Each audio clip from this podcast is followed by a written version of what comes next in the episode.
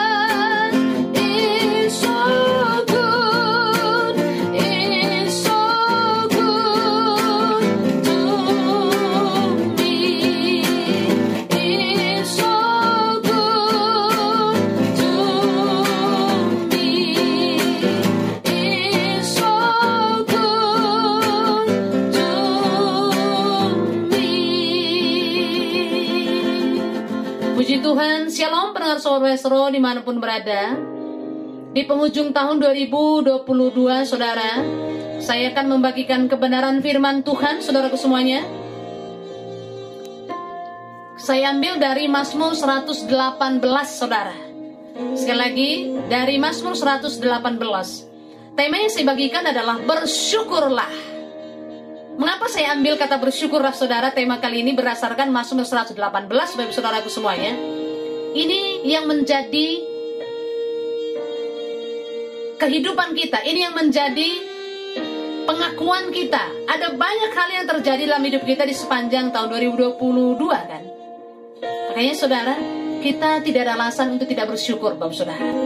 Latar belakang Mazmur 118 Bapak Ibu, latar belakangnya adalah begini ajakan untuk memberikan puji-pujian dan syukur merupakan isyarat dimulainya arak-arakan menuju bait suci. Artinya saudaraku semuanya ketika bait suci sudah dibangun dan selesai. Lalu Tuhan telah menunjukkan keperkasaannya dalam perjalanan bangsa Israel ketika bangsa Israel keluar dari Mesir sampai bait suci selesai dibangun.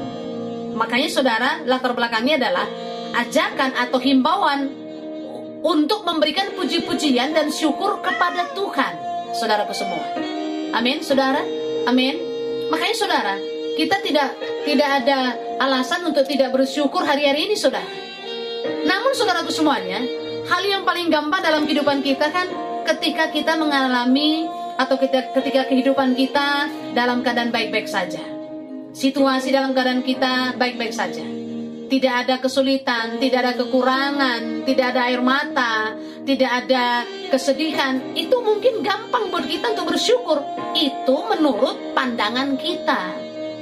Sebaliknya saudara, sulit juga buat kita untuk bersyukur ketika keadaan tidak baik dalam kehidupan kita.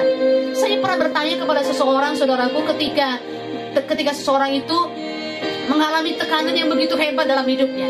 Pada waktu itu ketika tekanan itu terjadi, saudara, saya kata yang pertama saya tanya adalah masih bisa bersyukur? Dia menjawab, dia tidak menjawab maksud saya, saudara. Dia cuma diam saja. Tetapi waktu saya berkata, masih bisa berkata Tuhan baik, dia langsung berkata, Tuhan baik. Makanya saudara untuk bersyukur itu itu butuh kekuatan daripada Roh Kudus, itu butuh energi dari Tuhan saudara. Tidak segampang yang kita pikirkan. Oh bersyukur ya kalau keadaan baik, bersyukur ya kalau kamu diberkati, bersyukur ya kalau sakit sembuh. Itu gampang bersyukur. Tapi waktu tekanan datang, gampangkah kita bersyukur atau tidak? Jawab secara pribadi. Mari kita remind di sepanjang tahun 2022. Kita banyak bersyukur atau banyak mengeluh? Jawab secara pribadi, saudara.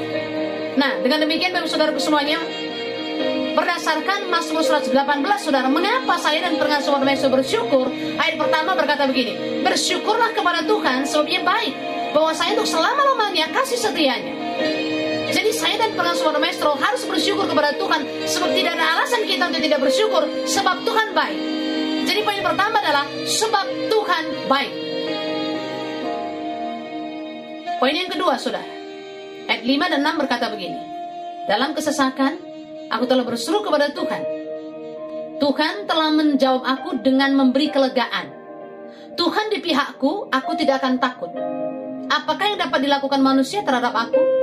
Nah, saudaraku semuanya, dalam kesesakan aku telah berseru kepada Tuhan.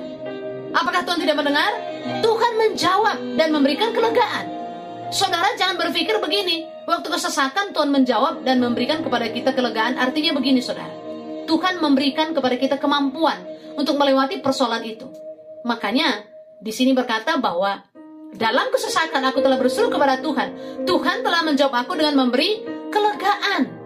Tuhan memberikan kelegaan kepada kita. Jadi poin yang kedua adalah sebab Tuhan pembela kita dalam dalam banyak hal dalam kehidupan kita betapa banyaknya Tuhan bela hidup kita kalau sampai hari ini saya dan pengasuh bermesra ada itu semata-mata karena pembelaan Tuhan yang setuju katakan amin saudara dapat dilakukan manusia terhadap kita kalau Tuhan jadi pembela kita tidak ada yang dapat dilakukan manusia terhadap kita lalu poin yang ketiga saudara semua adalah ayat 8 dan 9 berkata begini lebih baik berlindung pada Tuhan daripada percaya kepada manusia. Lebih baik berlindung pada Tuhan daripada percaya kepada para bangsawan.